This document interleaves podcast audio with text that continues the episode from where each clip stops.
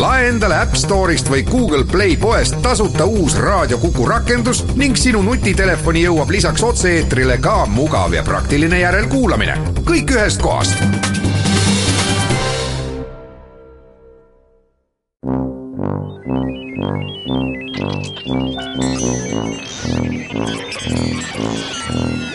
vanamehed kolmandalt. Vanamehed aitab kolmandale Eesti Koostöökogu. tere päevast! tükk aega ei ole me rääkinud valitsemise üldküsimustest ja täna ongi see päev, mil võtame käsile probleemi, mis paistab Euroopas olevat taastekkinud või, või enim esile kerkinud ja nimelt, et tundub, et üha rohkem inimesi tunneb, et demokraatia on täitsa hea ka siis, kui ta ei ole liberaalne ja mitteliberaalse demokraatia eestkõnelejaid on kõikides riikides, nad on poliitilistes erakondades päris kenasti esile tõusnud ja mõned seda, ma ei tea, kas seda võib siis nimetada ideoloogiaks, seda mõtteviisi viljelevad poliitikud ja erakonnad on jõudnud ka valitsustesse ja näiteks Ungaris koguni peaministritoolile. illiberaalse demokraatia peatõstmist olen palunud Kuku stuudiosse arutama kaks selle ala spetsialisti, suurepärast mõtlejat, Mari-Liis Jakobson, kes on Tallinna ülikoolis üldpolitoloogia lektor Riigiteaduste Instituudis ja Eesti Koostöökogu nõukogu liige, tere Mari-Liis! tervist! ja ajaloolane, tihti siin saates käinud Mart Nutt, kes on Inimõiguste Instituudi nõukogu liige, tere Mart! tere, tere! Nonii, alustame mõistest et mida see liberaalne demokraatia siis tähendab, et seda, mis on demokraatia, vist kujutavad kõik ette, aga nagu siin saateski, eriti koos Jüri Adamsiga oleme pikalt äh, seletanud, et küllap see ettekujutus on inimeseti kaunis erinev ja ja üldiselt äh, vahel tundub, et noh, demokraatia on see, mis on hea ja see, mis ei meeldi, see järelikult pole demokraatia. aga niisiis, liberaalne demokraatia. No kui me alustame demokraatia mõistest, siis demokraatiat äh, me tavaliselt kirjeldame kui rahvavõimu aga nüüd need erinevad demokraatia liigid suuresti selle põhjal erinevadki, et eh, mis see rahvavõim siis tähendab. et eh, liberaalne demokraatia on eh, päris tugevalt seotud nii-öelda esindusdemokraatiaga, ehk siis sellega, et see rahvavõimu teostamine käib mingisuguste institutsioonide kaudu, milleks on parlament, kes siis on nii-öelda rahva valitud esindajad, aga ühtlasi ka selline laiem valitsusinstitutsioonide võrgustik ja mis sinna veel juurde lülitub, on äh, ka õigusriikluse põhimõtted, ehk siis me lihtsalt ei tee midagi, mida me arvame, et rahvas tahab, vaid me lähtume ka seadustest, ja kolmas komponent, mis ta muudab nii-öelda liberaalseks, on selline valgustuslik filosoofia. ehk siis, et on teatud sellised alusväärtused, mida see liberaalne demokraatia kannab, ehk siis äh, ütleme, need on igasugused inimvabadused ja õigused, õigus erinevatele poliitilistele vaadetele, Äh, arvamusvabadus, meediavabadus ja ka poliitiline plura-, pluralism. et me ei saa rääkida liberaalsest demokraatiast ilma, et meil oleks nagu erinevad ideoloogiad ja erinevad poliitilised jõud, mille vahel valida jah, võib-olla just siin juures tulekski rõhutada võib-olla eriti seda mõistet inimõigused, mis on nagu võib-olla aktuaalsem kui kunagi varem liberaalse demokraatia ja mitteliberaalse demokraatia eristamisel. sest noh, kui me vaatame nüüd demokraatia ajalugu varasematel aegadel, siis üheksateistkümnendal sajandil olid põhimõtteliselt demokraatlikud riigid olemas, kus toimusid vabad valimised ja ja kus oli ka parlamendi ees vali-, vastutav rahvas, vabandust, parlamendi eest vastutav valitsus, aga mida ei olnud, inimõiguste kaitset ja vähemuste kaitset ei olnud ja see on nüüd tegelikult see valdkond liberaalsest demokraatiast, mis on tulnud juurde põhiliselt Teise maailmasõja järel. aga muidugi veel üks eh, teema, mida tuleks siiski, ma arvan, natukene käsitleda, on see, et kas mitteliberaalne demokraatia eh, erineb diktatuurist ja ma arvan, et seda eh, lahe, lõhet peab ka natukene vaatama, sest tihtipeale võib-olla püütakse seda nii-öelda mitteliberaalse demokraatia valdkonna all käsitleda ka neid režiime, mis ei ole üldse demokraatlikud. No mäletame siin kuskil natukene rohkem kui paarkümmend aastat tagasi, kui eh, kommunistlik maailmasüsteem lagunes, võeti kasutusele niisugune mõiste nagu new democracies. ja selle new democracies mõiste alla püüti võtta siis nii-öelda need riigid, kes olid väljunud totalitaarsest süsteemist, aga kes olid, noh osaliselt olid, mõned olid neist läinud demokraatlikku arengutele, mõned mitte. tänapäeval ma ei ole nüüd viimastel aastatel seda New Democracy's mõistet enam kuulnud, sellepärast see on, ma arvan, et lihtsalt jäänud tegelikele arengutele jalgu, aga niisugused riigid nagu näiteks Valgevene, Venemaa ja Aserbaidžaan ja Kesk-Aasia riigid, me ei saa käsitleda isegi mitte, mitte liberaalse demokraatiana, sest nad ei ole demokraatlikud. Et rääkisite mõlemad valimistest, mis meenutab mulle, et et näiteks äh, Ungari kohta äh, valimisvaatlejad noh, pärast seda, kui siis Fidesz võimule tuli, äh, ütlesid seda, et jah, valimised toimuvad regulaarselt, valimised on täiesti vabad, ainult et need valimised ei ole ausad. Sellepärast, et erinevate võistlejate juurdepääs meediale on selgelt ebavõrdne, et tegelik arvamusvabadus ja erinevate platvormide vahetamise vabadus puudub. Ja siin siis tsiteerides äh, peaminister Orbanit ennast, et et noh, kes ütles, et ega niisugune juhitamatu kodanikuühiskond ei olegi midagi head, et igasugused arvavad igasuguseid erinevaid asju, ajavad rahva segadusse, et niimoodi ei saa. noh, see tsitaat nüüd ei olnud muidugi sõnasõnaline, aga tundus, et see mõte oli umbkaudu see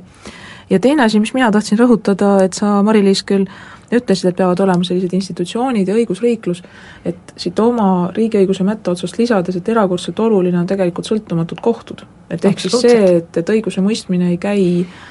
mitte näiteks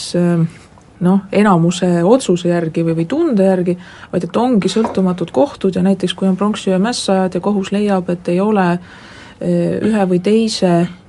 siin Eesti riigi ja avaliku korra vastu tegutsenud isiku süü korrektselt tõendatud, siis hoolimata sellest, et äh, tavaloogika ütleb, et kuidagi ju need aknad katki said ja kuidagimoodi ju need autod põlema pandi ja linn ära rüüstati, eks ole, et järelikult pidi keegi süüdi olema, aga kui seda, kes konkreetselt süüdi oli, ei suudeta vettpidavalt tõestada, vaid ainult arvatakse, see inimene mõistetakse õigeks.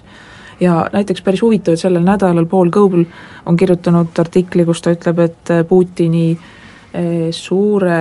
või uue Venemaa doktriin on saanud selles mõttes löögi, et ime küll, aga et Eestist need väidetavalt tagakiusatud venelased ei taha sugugi Venemaale tagasi kolida. ja et üks põhjus, tema väidab, on see, et, et siin just nimelt see kodanikuühiskond tegelikult toimib, sa võid oma probleemidele tähelepanu juhtida ja, ja tõi ka näiteks, et needsamad pronksiöö mässajatest näed, et osa mõisteti Eesti kohtusüsteemis õigeks, et noh, Venemaal niisugust nüüd jutumärkides korralagedust ei ole, et et keegi peab süüdi olema, järelikult peab keegi ka süüdi jääma ja see, kas seda tõendati või mitte ja kas süüdi mõisteti õige või vale inimene, et noh, see pole enam nii oluline. nii et see sõltumatu kohus ka siia juurde. aga nüüd selle tänase teema juurde, et et noh, palju on räägitud Francis Fukuyamast, nüüd vähem, aga siis, kui Eesti iseseisvaks sai päris palju ja siis, kui need nii-öelda kommunistliku ploki riigid uuesti nii-öelda vabanesid või, või püüdsid liberaalseks demokraatiaks saada, et siis Francis Fukuyama kirjutas oma kuulsa ajaloo lõpu kakskümmend viis aastat tagasi ja seal ta väitis, et just see liberaalne demokraatia kõigi oma võimude lahususe ja vähemuste kaitse ja valgustusliku mõtteviisiga, et noh, see ongi see ajaloo lõpp, kuhu tegelikult kõik ühiskonnad peaksid jõudma, et siis saabub see rahuriik, et et just niisugune liberaalne demokraatia on see, mis suudab rahuldada inimolendi vajadust vabaduse ja väärikuse järele et noh, kõlas nii ilusasti, näiteks mina küll rõõmustasin nende sõnade üle. aga täna nüüd vaatad ringi, siis Euroopa Parlamendi valimistel on saanud äh, sellest ideoloogiast küllalt kaugel olevad erakonnad päris häid tulemusi ja ja, ja kui vaadata, et mis teiste riikide ajalehed näiteks kirjutavad, siis ega see Orban ei ole seal üksinda, et, et niisuguse ideoloogiaga inimesi on jõudmas valitsustesse mitmetes riikides et miks see teie meelest niimoodi on, et need isikuvabadusi mitteaustavad loosungid nii hästi inimestele meeldima on hakanud või kas on hakanud? no seda, et ajalugu äh, tuhande üheksasaja üheksakümnenda aastaga ära ei lõppenud, et see sai juba päris ammu selgeks ja noh, kõigi äh, Fukuyama ideed kõlasid väga ilusti ja mm -hmm. olid ilmselt üsna imponeerivad just sellisele haritumale äh, seltskonnale, siis noh, tuleme jälle tagasi selle juurde, et liberaaldemokraatia aluseks on sellised valgustuslikud väärtused, mis ei ole võib-olla seal Maslow püramiidis, mis nagu baasvajadusi kajastab noh, need nii-öelda esimesed astmed. nii et äh, liberaalne demokraatia on ilmselt hea asi, mida rünnata just sellises kontekstis, kus tuntakse, et mingisugused muud vajadused on nagu jäänud katmata ehk siis äh, liberaaldemokraatia üks ohte on see, et ta muutub üsna elitaarseks nähtuseks. et ta on nagu midagi, need on need väärtused, mis on olulised äh, eliidi jaoks ja mida võib-olla läheb hästi, eks ole, et on küllalt just, võimu ja on just. küllalt materiaalset kindlustunnet, et siis sa võid ka öelda, et jah, et las need samasoolised isikud peavad oma paarisuhet. täpselt ja, ja teiste jaoks ütleme, see liberaalse demokraatia kriitika saab nagu selliseks ventiiliks, millega väljendada laiemat rahulolematust. aga mida ma tooksin siia juurde, et me oleme rääkinud praegu liberaalsest demokraatiast ja illiberaalsest demokraatiast, seejuures jätnud nagu defineerimata, mis see mitteliberaalne demokraatia on. Mm.. et äh, mitteliberaalsest demokraatiast räägitakse tavaliselt kui äh, sellisest äh, demokraatia vormist, kus on küll valimised, aga need valimised pole päris vabad ja ausad et noh, ütleme, kui me vaatame nüüd Euroopa riike, kus on nagu sellised mitteliberaalsed jõud võimule saanud, noh siis me ei saa päris nagu mitteliberaalsest demokraatiast rääkida, et noh, nad lihtsalt on nagu antiliberaalsed mitte mitteliberaalsed, et no on ka sellised mõisted olemas nagu radikaalne demokraatia näiteks, Venemaal leiutati vahepeal niisugune mõiste nagu suveräänne demokraatia ja nii edasi, ehk siis need on äh, nagu selle rahva tahte lihtsalt teistsugune defineerimine. et mass tänaval peab otsustama, mitte siis mingisugune õigusriiklus ja mingisugused valgustuslikud väärtused, et võib-olla see on nagu see põhiline erinevus, mis eristab neid nii-öelda populistlikke jõude, kes praegusel hetkel Euroopas nagu võimu saavad. Et ka Eestis on radikaaldemokraatide ühendus olemas ja, ja, ja need inimesed näiteks olid erakordselt pahased selle peale, et et need akta vastastest miitingutest alanud meeleavaldused ei kasvanud, noh, kui ma nüüd olen neist õigesti aru saanud, et iseenesest peaks mõne nende esindaja kutsuma saatesse ja lubama temal rääkida, et ma vabandan, kui ma milleski eksin, aga see, mis ma olen lugenud, et et sellest ma järeldasin, et nendele oleks meeldinud, et oleks nii-öelda sellel massil lastud järjest kasvada ja et olekski tulnud siis täismahus revolutsioon no radikaalse demokraatia idee on jah selline, et äh, meil ei ole mitte lihtsalt korralisi valimisi ja siis selliseid õigusriiklikke institutsioone, vaid et on sellised rahvaliikumised, mille rahulolematus siis on selliseks nagu otsuseid mõjutavaks aluseks. Et ütleme, see, kui rahvas tuleb tänavale, et see on siis see, millest me järeldame, et vot nüüd tuleks ühel või teisel moel otsustada no siin on nii palju küsimusi juba õhku tõusnud, et püüame neid järjest vaadata, tulles tagasi nüüd Fukuyama juurde, siis äh, minu arvates on Fukuyama või oli Fukuyama kõige suurem probleem see, et ta tõi selle liberaalse demokraatia käsitluse juurde religioossed elemendid. Mida see tähendab, see tähendab seda, et äh, see ei põhinenud tal ju tegelikult enam argumentidel, et äh, liberaalne demokraatia on võri-, võitnud ja see on kõigile kõige parem, vaid see põhines usul, et see niimoodi on. Äh, mina seda liberaalse demokraatia käsitlust, mida Fukuyama välja pakkus, kindlasti toetan, ma toetan seda isiklikult, aga ma ei ole kindel selles, et eh, see on nagu üldtunnustatud põhimõte. ta on tegelikult ikkagi nagu vä-, väga läänekeskne filosoofia, mis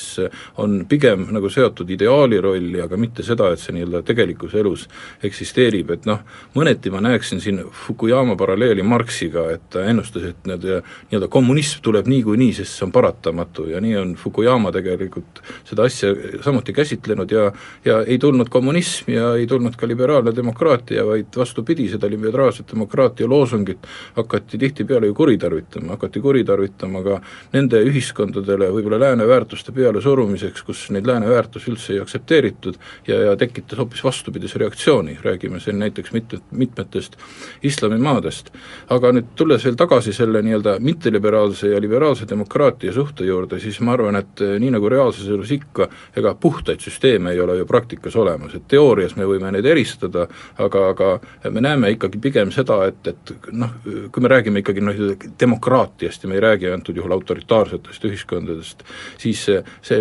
võime öelda, et seal liberaalses demokraatias mitmetes riikides on need nii-öelda mitteliberaalse demokraatia elemendid sees. et Mari-Liis tõi eh, väga hästi välja selle, et, et eh, võib-olla see põhiline erinevus ongi, et, et mitteliberaalne demokraatia on demokraatia ilma õigusriigita. see tähendab, noh mõnes mõttes ma ei pea Lukašenkot ka mitte, mitte liberaalseks demokraadiks, aga Lukašenko kunagi põhjendas ju oma valimist presidendiks kolmandat korda sellega, et mis siis, et põhiseadus seda keelab, aga rahvas seda tahab. ja see on üks nendest argumentidest, mida siis mitteliberaalne demokraatia saab käsitleda. aga kui me vaatame nüüd veel, ütleme mõnda Euroopa riiki, nimetame sealjuures Ungarit, nimetame sealjuures näiteks Kreekat ja nimetame sealjuures Türgit, siis minu hinnangul need mitteliberaalse demokraatia elemendid on ka neid, niisugused tegelikult seadustes kirjas olevad normid, mis äh, moonutavad reaalset nii-öelda valimistulemust, demokraatlike valimiste tulemusi, ütleme näiteks Kreekas valimiste võitja, ta võib olla saanud äh, selle tulemuse näiteks kolmekümne viie protsendiga, aga ta saab absoluutse enamuse parlamendis,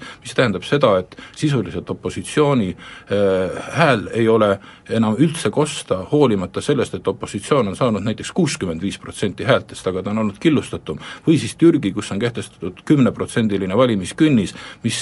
siis jätab öö, ukse taha praktiliselt, või vähemalt oli mõeldud nii, et ta jääks, jätab ukse taha kõik, välja arvatud valitsuspartei, ja läks teisiti islamistid ületasid selle künnise ja tulid nüüd sellega võimule ja, ja naudivad sedasama olukorda. Nii et eh, niisugused elemendid, niisugused elementide hübriid on minu arvates see, mis on nüüd tänase Euroopa reaalsus ja ma ei räägi siin antud juhul üldse endisest Nõukogude Liidust, vaid sellest Euroopast, mis on nüüd põhimõtteliselt, mida me käsitleme demokraatlikuna.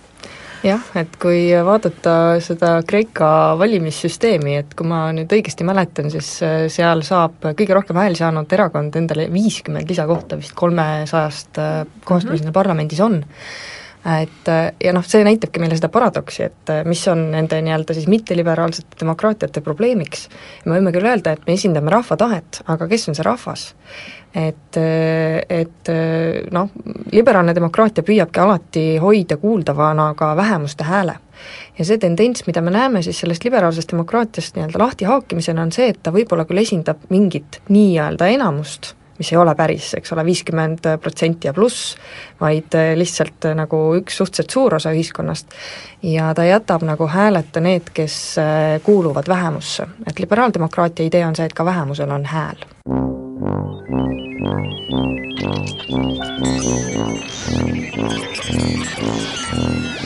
vanamehed kolmandalt. vanamehed aitab kolmandale Eesti Koostöökogu jätkame saadet, räägime täna demokraatia erinevatest vormidest ja meie jutuajamine tõukub sellest, et mitmes riigis oleme siin maininud Ungarit, Kreekat, Türgit, aga eks tugevaid sellesisulisi hääli on ka Prantsusmaal ja noh, et Venemaa on juba ilmselge, et, et ei ole vist selle päris liberaalse inimõigusi ja õigusriiklust austava demokraatia näide, ja arutlejaid, nagu ikka, on kolm, Mari-Liis Jakobson Tallinna Ülikoolist ja Eesti Koostöökogu nõukogu liige ja Mart Nutt, kes on ajaloolane, poliitik ja Inimõiguste Instituudi nõukogu liige ja siis saatejuhi rollis Ülle Madise. rääkisime mõistetest, rääkisime näidetest et nüüd küsiks veel sedapidi korra, et aga et mis on ühele inimesele, ühele tavalisele normaalsele inimesele, kelle peal see ühiskond püsib, kellel on töö ja pere ja sõbrad, et mis tema jaoks vahet on, et kas see, kas see on liberaalne või mitteliberaalne demokraatia, et et kas pole, et mõnes mõttes on hirmus tülikas, et see liberaalsele demokraatiale omane pidev õiendamine küll iga seaduse üle, et olgu see küsimus siin jäätmetes või ravimimüügis või planeerimisseadus või või mis tahes, et iga asja ümber jälle keegi õiendab, et ei kõlba. et, et, et, et, et võib-olla see ongi see inimese jaoks nagu oleks kuidagi parem, et noh, et oleks rahu majas, et sa tegeled oma töö ja perega, et sa ei pea kogu aeg taluma seda, et iga päev justkui midagi oleks halvasti, keegi kuskilt ütleb no vot, siin on küsimus, et kes on tavaline inimene, et äh, ma no, ei ole teda veel kunagi kohanud. sa iseennast ei pea selliseks? ei, ma ei saa küll öelda, et ma oleks mingi tavaline inimene või Eesti keskmine, ma kujutan ette, et seda ei saa mitte keegi enda kohta öelda. et äh, noh, ütleme, me võime kujutada ennast küll mingites küsimustes omamas seda nii-öelda normaalset või keskmist positsiooni, aga alati on mingeid selliseid küsimusi, kus me tunneme, et see meie positsioon jääb kuidagi vähemusse või noh, ütleme, ei ole siis kooskõlas nii-öelda selle tuntava kõikide teiste positsiooniga et äh, muidugi on väga mugav, et öeldagi, et noh, et ärme tegele siin selle poliitikaga, et teeme nii, et kõigil on mõnus elada, aga teatud küsimustes võib tunda iga inimene, et äh, vot, siin tekib poliitika, et siin ma ei ole enam nõus, et siin nagu tekib selline ootuste või positsioonide mitmekesisus noh, me rääkisime sellest, et liberaalne demokraatia ja laiemalt võib-olla demokraatia üldse on ju selline natukene filosoofiline õnguline väärtuste pakett, aga suurem osa inimestest, suuremale osale inimestest läheb äh, paraku rohkem korda see, kas tema nii-öelda nii-öelda sotsiaalne taust on kaitstud, kas tal on olemas töö, kas tal on garanteeritud sissetulek, kas ühiskonnas valitseb äh, rahu, kas äh, riigis on valitsus, kes suudab tagada äh, vastuolude, teravate vastuolude lahenemise, niisugused praktilised küsimused paraku on enamikele inimestele tähtsamad kui see, et kas riigis valitseb mingisuguse nii-öelda poliitikateaduse kategooria järgi olev liberaalne demokraatia või mitte. ja, ja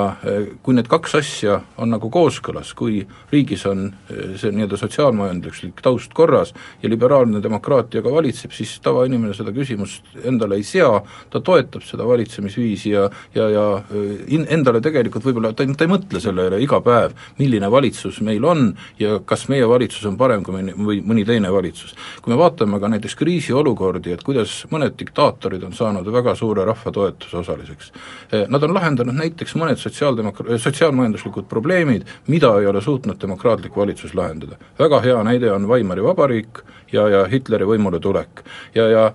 kindlasti me ei saa seda öelda, et nii-öelda Saksa rahva enamus tahtis diktatuuri, ei, Saksa rahva enamus tahtis normaalselt elada ja Hitler pakkus neile parema sotsiaalmajandusliku võimaluse, kui see oli varasemas korras, ja, ja selles nüüd küsimus ongi, et, et et liberaalne demokraatia on ideaal, aga reaalne elu on, nii-öelda läheb oma teed pidi ja kui nende kahe vahel tekivad käärid, siis ei pruugi rahva enamus seda liberaalset demokraatiat ka toetada. no eks siin vist on see ka, et, et üsna lihtne on jagada neid loosungeid, mis tõotavad seda, et kuidagi see tunne läheb kergemaks ja paremaks, et justkui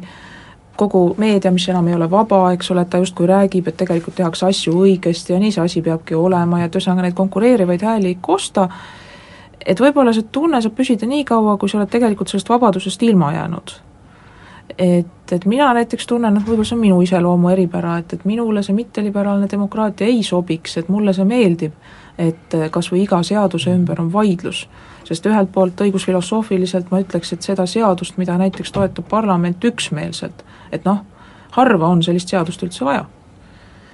et loomulikult, kui on mingi väga keeruline olukord, küsimus on riigikaitses, küsimus on rahvuse kestmises ja tõesti on kõik maailmavaatest sõltumata suurel üksmeelel, no see võib juhtuda. aga põhimõtteliselt, et kas sellist seadust, mille poolt kõik on, vastu pole mitte keegi, ühiskonnas keegi ei debateeri, huvigruppe pole, no milleks seda üldse teha? et, et minule selline ühiskond ei meeldiks, kus on niisugune noh, ainult üks ja õige mõte no siin on võib-olla nagu kaks äh, asja, mis ei ole päris üks ja sama. üks on see, et äh, kui debatt puudub, siis kahtlemata on see nii-öelda tõsine probleem demokraatiale. kui ollakse üksmeelsed mõne asja vastuvõtmisel, äh, siis see tingimata mõnedes mitmetes küsimustes niimoodi ei ole. ma ei räägi siin üldse praegu julgeolekust, riigikaitsest, vaid võtame näiteks sellise küsimuse nagu, nagu näiteks narkootiliste ainete või alkoholimüügi piirangud, näiteks lapsepornograafia levi, leviku takistamine, et seda on vaja ilmselt normidega reguleerida, ilma Nõus. selleta sellega hakkama ei saa, aga selles mõttes kõik poliitilised jõud on ju tegelikult üksmeelsed jah, kuigi samal ajal muidugi ei taha sellesse teemasse liialt sügavalt minna, aga siin võib olla ka selline enesetsensuur, sest et ühiskonnas kahtlemata on olemas need inimesed, kes noh, väidavad näiteks, et et las see alkohol olla ööpäevaringselt igal pool saadaval, nii nagu ta paljudes Lääne-Euroopa riikides on, et las inimesed joovad oma õlut pargis,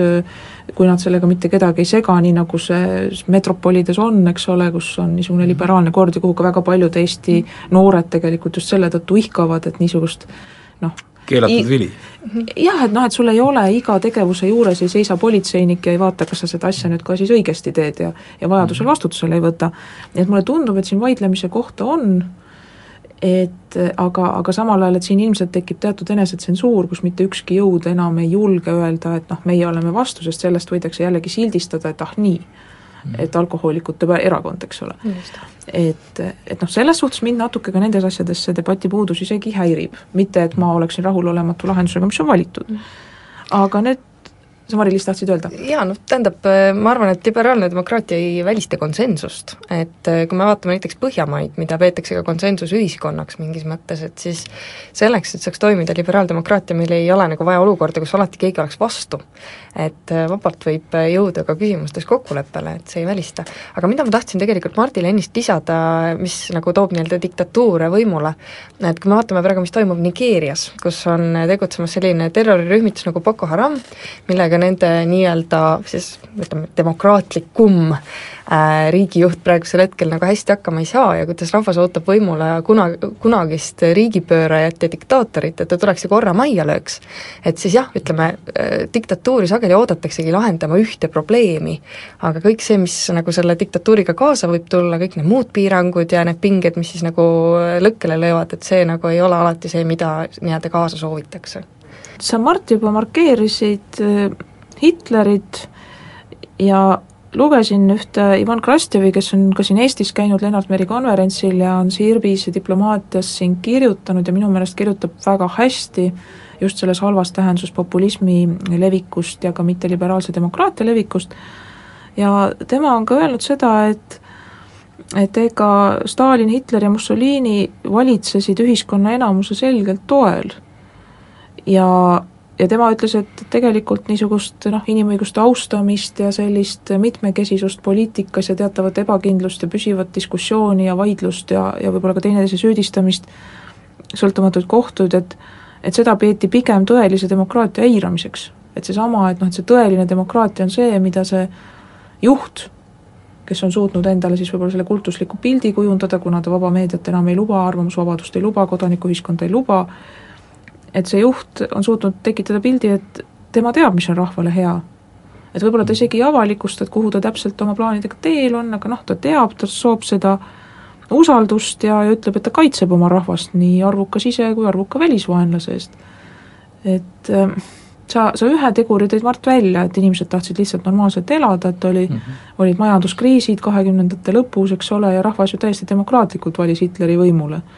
et ega Mussoliniga, Staliniga, noh, Staliniga oli võib-olla hoopis teine lugu. jah, Krastevi analüüs on hea, aga äh, minu jaoks on põhiküsimus ikkagi selles, et kust me seda teame, et rahva enamus oli nende diktaatorite taga. tähendab, see on üks oletus, see on võimalik, jah, siin on oletatud näiteks, et kolmekümnendate aastate lõpul, see on enne, vahetult enne sõja algust ja võib-olla ka sõja alguses, Hitleri toetus oli rohkem kui kaheksakümmend protsenti, no see on hinnang, millele ei, millega, milles ei ole võimalik ju tegelikult ühelegi allikale tugineda just nimelt sellepärast, et erapooletuid küsitlusi eh, ei olnud ja, ja sõja eufooria tõepoolest tõstab alati äh, äh, massi, masside nagu usaldust liidri vastu. Aga nüüd teisest küljest Äh, kui me vaatame nüüd näiteks ka sellist ühiskonda nagu Põhja-Korea, jälle on küsimus, et kas nüüd rahva enamus teda toetab või mitte, me jälle seda ei tea, äh, see on noh, nii-öelda ajupesu tulemusena kahtlemata selline olukord võidakse saavutada, aga aga äh, mõõdetav see kuidagi ei ole. nüüd vaatame nüüd asja teist poolt, et kas diktaator saab püsida, kui tal on nii-öelda õhkõrn toetus, ma arvan, et ei saa. sellisel puhul diktatuur, selline diktatuur kukutatakse, aga see ei asendu dik-, demokraatiaga, vaid see asendub mingit teist tüüpi või, või teise isiku diktatuuriga ja, ja kokkuvõttes jälle tekitatakse võib-olla ajutiselt see moment, et ta saab viidata, et ta on nagu vastavalt rahva tahtele selle, selle pöörde teinud. no väga vähe on niisuguseid riigipöördeid olnud, kus on otse ja avalikult väidetud, et me oleme toiminud rahva enamuse vastu. ikkagi väidetakse seda, et võim, olgu see kas või siis demokraatlik võim, on korrumpeerunud, ta tegelikult eirab rahva huve ja nüüd see kõva käega juht tegelikult viib ellu seda rahva tahet, mida siis demokraatlik riik tegelikult eh, teinud ei ole. nii et eh, ma arvan, et see on nagu, need, need on nagu need täiendavad mehhanismid, mis siis ütleme, rahva hetkelise rahulolematuse puhul eh, mängivad päris olulist rolli no need on üleminekud, eks ole, siis diktatuurilt diktatuurile, ehk siis selline mm -hmm. mittedemokraatlike juhtide vahetus. aga ütleme, mis puudutab siis Hitlerit ja Mussolinit, siis äh, no üks asi, millega tuleb alati arvestada liberaaldemokraatia kontekstis, on see, et äh, see on režiim, kus äh, poliitilised liidrid annavad nagu teadlikult või tahtlikult mingi hulga oma võimu ära, ehk siis nad tegelikult piiravad iseenda võimu. ehk siis see režiim on selline, kus juht on alati teadlikult nõrgem, kui ta oleks siis, kui ta oleks diktaator ja ütleme, see kriitika, mis noh, on selle Weimari vabariigi suhtes käinud Saksamaal ja nii edasi, oligi see, et et äh, riiki juhiti nõrgalt ja rahvas ootas siis nii-öelda tugevat juhti, et äh, selles mõttes nad võisid kindlasti saada võimule nii-öelda rahva tahtel. ehk siis, et oodati karmimat või niisugust tugevamat kätt, kes suudaks valitseda no võtame selle paralleeli ka tegelikult Eesti kontekstis, et sama asi oli ju tuhande üheksasaja kahekümnenda aasta põhiseaduse alusel toimiva Riigikogu ja, ja valitsustega, kus tekkis sama probleem, et kui me vaatame nüüd juba noh, tegelikult kahekümne kuuendast aastast toimunud päris elav debatt, et tuleks äh, luua riigi peainstitutsioon ja suurte, suurte volitustega riigipea institutsioon, siis tegelikult äh, nagu sellist tahet või, või sellist loosungit, et me peame asendama demokraatia diktatuuriga, seda ei käinud ju mitte keegi välja. ei no vastupidi, et meil on vaja seda tõelist demokraatiat, et eks seda mm -hmm. räägitakse ju Eestiski, et kui saaks presidendi valida otse ja tal oleksid äh, suured võimuvolitused, et siis pääseks lõpuks see rahva tahe maksvusele, aga seda oleme ka puudutanud, et seda ühtset rahva tahet vist ei olegi ju tegelikult olemas. just, ja paradoksina vaatame veel siis, ku-, ku-, kuidas Eesti siis diktatuurini tegelikult jõudis, ta ei jõudnud ju mitte sel teel, et eh, hakati nii-öelda täpselt täitma tuhande üheksasaja kolmekümne kolmanda aasta põhiseadust, mis rahva poolt vastu võeti, või eh, ei lastud toimuda või kui oleks toimunud valimised, vabad valimised tuhat üheksasada kolmkümmend neli alguses ja vapsid oleks võimule saanud, me ei tea, mis missugune riigikorraldus oleks sellisel juhul tekkinud. me ei saa ka väita, et oleks tingimata diktatuur tekkinud, aga diktatuur Eestis kehtestati Pätsi korraldatud riigipöördega. mis on võib-olla üks teema veel, on ka see, et kuidas inimene, kes võib-olla poliitikast väga ei huvitu äh,, poliitikat jälgib, et ütleme, liberaalne demokraatia eeldab seda, et meil on teatud mõttes nagu ideede konkurents, et meil on erinevad ideoloogiad, kes võistlevad. aga seda on, ütleme, suhteliselt keeruline jälgida või see on üsna abstraktne nähtus et äh, noh, inimesel, kes poliitikast ei huvitu, tema jälgib ikkagi isiksusi või inimesi, kes siis võimule konkureerivad. ja ütleme, selline noh, ütleme, kontsentreerunum võim on selles mõttes lihtsamini jälgitav äh, muidu poliitikast mitte huvitunud publikule. et võib-olla ka see on üks äh, liberaalse demokraatia nõrkusi.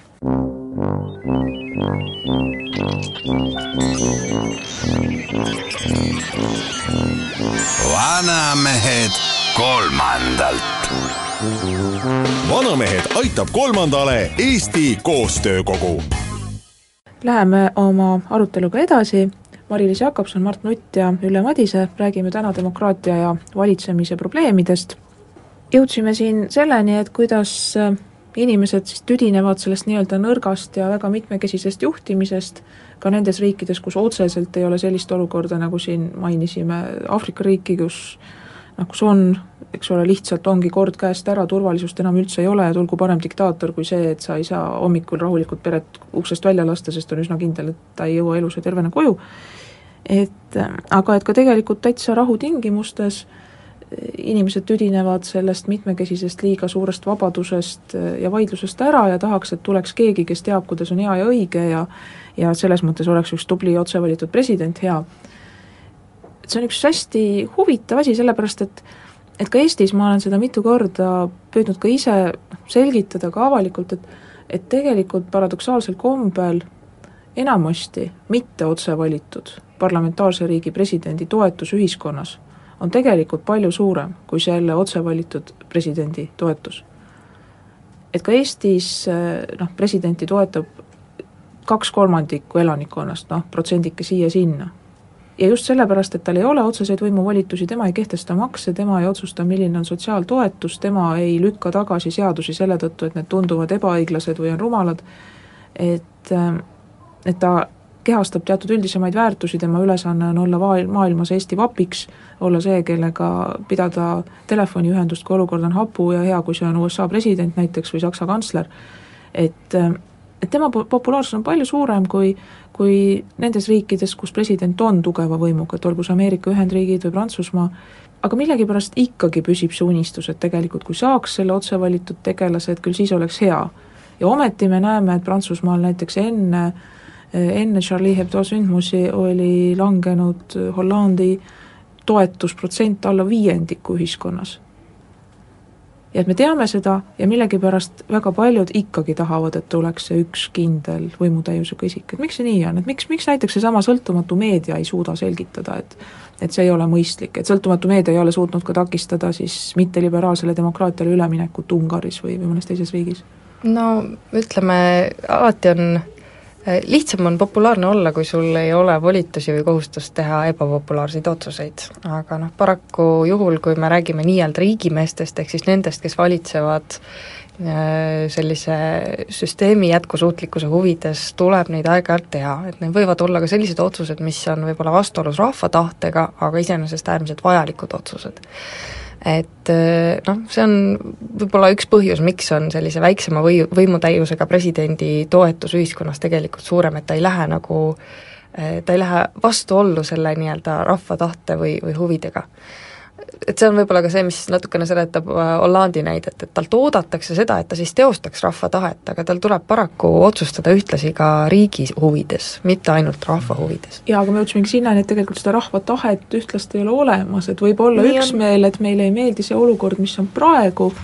ainult et lahendused on väga erinevad, et ühele ei meeldi praegune olukord sellepärast näiteks kas või Eestis, et et ettevõtlusvabadust justkui oleks liiga palju. teisele ei meeldi sellepärast, et on vähe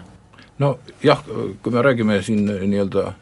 esindusvormi, esinduspresidentidest, kes tavaliselt ei ole otse valitud, siis toome siia paralleeliks ka monarhiad. kui just monarhi perekond mingisuguse väga suure inetu asjaga hakkama ei saa, siis on monarhid ju tegelikult riigis hästi populaarsed ja just seepärast, et nad on nagu sellised rahva ühendajad, aga samas nad ei kanna vastutust nagu otsuste eest. aga eh, otse valitud president eh, samastub ju valitsusega. ja, ja tema populaarsus eh, käib nagu nii-öelda võnkega Äh, umbes samas taktis, nagu näiteks parlamentaarsete riikide valitsuste puhul. ja, ja tõesti, nii nagu Eestis on äh, valitsuse populaarsus alati olnud ju madalam, kui on seda presidendi populaarsus, äh, siis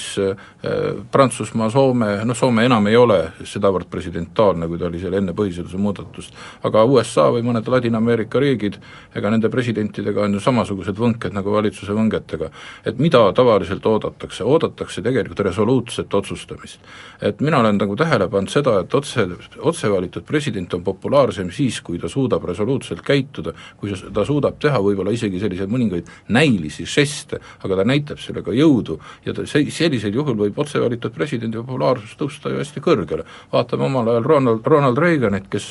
ühendas äh, näitleja meisterlikkuse, majandusliku tõusu ja, ja äh, suhteliselt tugeva jõulise käitumise näiteks suheldes Nõukogude Liidu idablokiga ja suruski tegelikult nii-öelda sellise Ameerika mudeli või Ameerika tahte äh, ju idablokile peale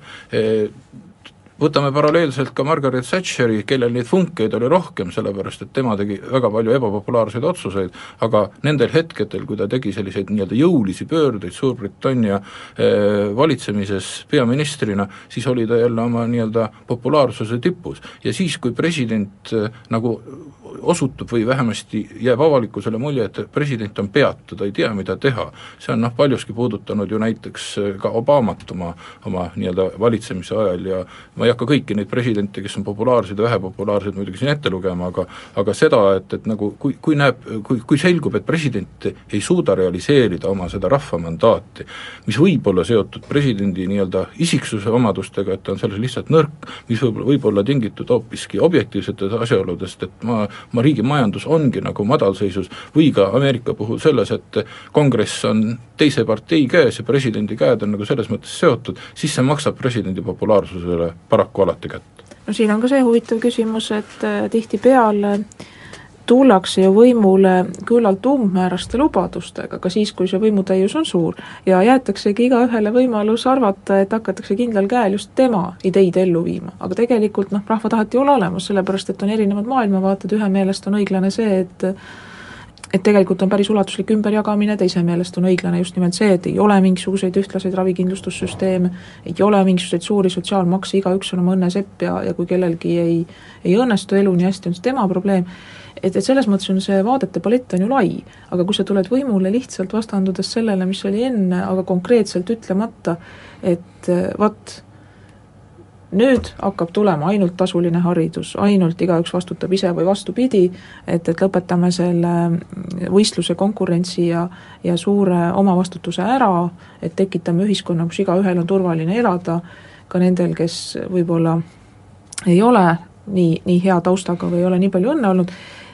et, et siis ta võib-olla ei kogukski sellist tulemust. Ja nüüd hiljem, kui ta on sellise umbmäärase retoorikaga, mis igaühel lubab loota, et tema unistused ellu viiakse, on võimule saanud, et siis on täiesti loomulik, et pettutakse. halvemal juhul pettuvad peaaegu kõik, nii nagu juhtus Prantsusmaal no nii ta on ja ütleme, sama lugu on ka nii-öelda protestiparteidega, kes tulevad võimule lähtuvalt rahva rahulolematusest mingisuguse hetkeolukorraga ja kui nad võimule saavad, leiavad nad ennast olukorrast, kus nad peavad hakkama ka tegema neid samu ebapopulaarseid otsuseid, mida on lihtsalt vaja selle nii-öelda süsteemi edasikestmiseks. aga siin on üks asi veel, et ega ju liberaalne demokraatia ei eeldagi, et kõik on nõus ja et kõik usaldavad ja kõik on väga rahul äh, selle nii-öelda süsteemiga et äh, siin on nagu noh, võib-olla mitte selline demokraatia käilakuju just, aga tuntud mõtleja ja riigijuht Winston Churchill on öelnud, eks ole, et demokraatia ei ole kaugeltki see nii-öelda kõige ideaalsem vorm, aga et tal on puudu need vead, mis on siis äh, paljudel, paljudel teistel valitsemisviisidel. et ütleme noh,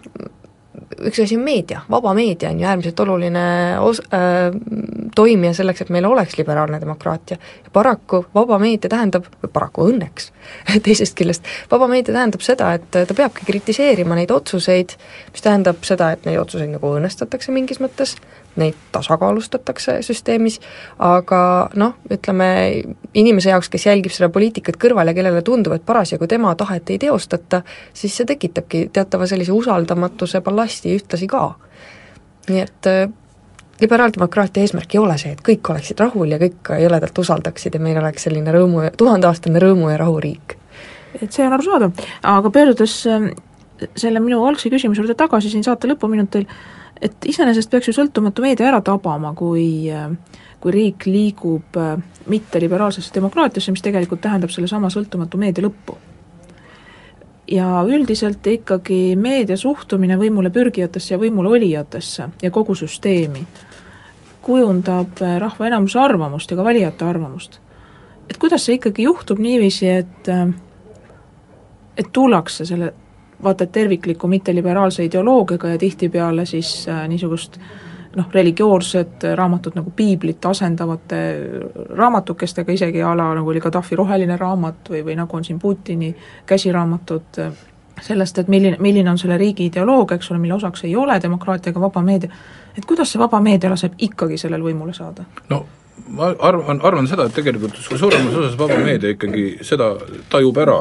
et äh, millised ohud on äh, demokraatiale ja vabale meel-, meediale endale. ja, ja vaba meedia ei loobu ju tegelikult oma tavapärasest rollist olukorras, kus ühiskonnas äh, toimub nii-öelda poliitiline võitlus erinevate suundade vahel, et ta nagu täidab seda oma rolli jätkuvalt edasi ka olukorras, kus võimul on valitsus, kes on liberaalse demokraatia poolt ja, ja seisab vaba meedia eest, aga tegelikult ei saa nagu oma tegevusega, oma tööga hakkama. ütleme, üks põhjusi, miks see liberaalne demo-, mit-, mitteliberaalne demokraatia toetust äh, kogub, on ju ikkagi see, et äh, valitsus ei saa oma tööga hakkama ja pälvib sellega kriitikat nii või teisiti. aga nüüd, kui me teist poolt vaatame, siis äh, niisuguseid näiteid, kus vaba meedia oleks nagu hakanud väga tugevalt promoma mitte liberaalse demokraatia positsioone, siis seda üldiselt ju ka ei ole. aga on... populiste ikkagi teinekord no, võimule aidatakse, et kas ajakirjanikud ise ei taba ära seda, et tegelikult tagajärg, kui need isikud saakski võimule, oleks see mm, -hmm. et nende endaga oleks lõpp? no selliseid olukordi kahtlemata on, aga kui me vaatame nüüd näiteks konkreetseid näiteid, siis Ungari puhul näiteks üks esimene asi, mida Orban hakkas tegema, oli just ju vaba meedia kruvide kinnikeeramine. ajal, kui Putin oli veel nii-öelda rahva mandaadiga, võib öelda vabalt valitud, hakkas ta samuti vaba meediat kinni keerama, sama asi on toimunud Türgis ja näeme, mis hakkab toimuma Kreekas. ma väga kardan seda, et vaba meedia saab väga tugeva tagasilöögi Kreekas no meil tuleb siin ka arvesse võtta seda, milline on meedia mõju inimese hoiakutele. et eh, kui me vaatame ka neid usaldusreitinguid, siis me ei saa öelda, et vabal meedial oleks nüüd rahva sajaprotsendiline toetus, ei, eh, pigem on ta võrreldav nende samade suhteliselt ebapopulaarsete poliitiliste institutsioonidega et ei saa sugugi öelda, et eh, noh, tema usaldusväärsus oleks ühiskonnas absoluutne ja kui inimene loeb meediatekste, siis hakkab tööle niisugune mehhanism, mida me nimetame kognitiivseks dissonantsiks ehk siis me võtame meediast vastu seda infot, mis on kooskõlas meie maailmavaadetega, ütleme, et jaa, nii ongi, ja nagu siin kirjutatakse, sest et mina usun seda, ja kui meile kirjutatakse milles, millestki või kuidagi, mida me ei usu, siis äh, me ütleme, et aga nüüd meile valetatakse või et siin on küll väga nagu valesti asjast aru saadud. ja seda me endale omaks ei võta. nii et tegelikult meie selle vaba meedia lugemine on selektiivne ja me võtame sealt ikkagi vastu seda, mis äh, läheb meie poliitiliste hoiakute ja kõige muu sellisega kokku. ja ega nüüd need populistlikud äh, äh, erakonnad või need, kes siis ohustavad liberaalset demokraatiat, ei äh, äh, suhtle valijaga ainult läbi selle nii-öelda vaba meedia, selleks on loomulikult ka teised kanalid. ja eks igaüks leiab sellest infost selle, mis on tema jaoks nii-öelda oma ja siin panemegi täna valimisohustikus punkti, aitäh, Mari-Liis Jakobson, aitäh, Mart Nutt! Ja aitäh kõigile kuulajatele, uus saade uuel nädalal!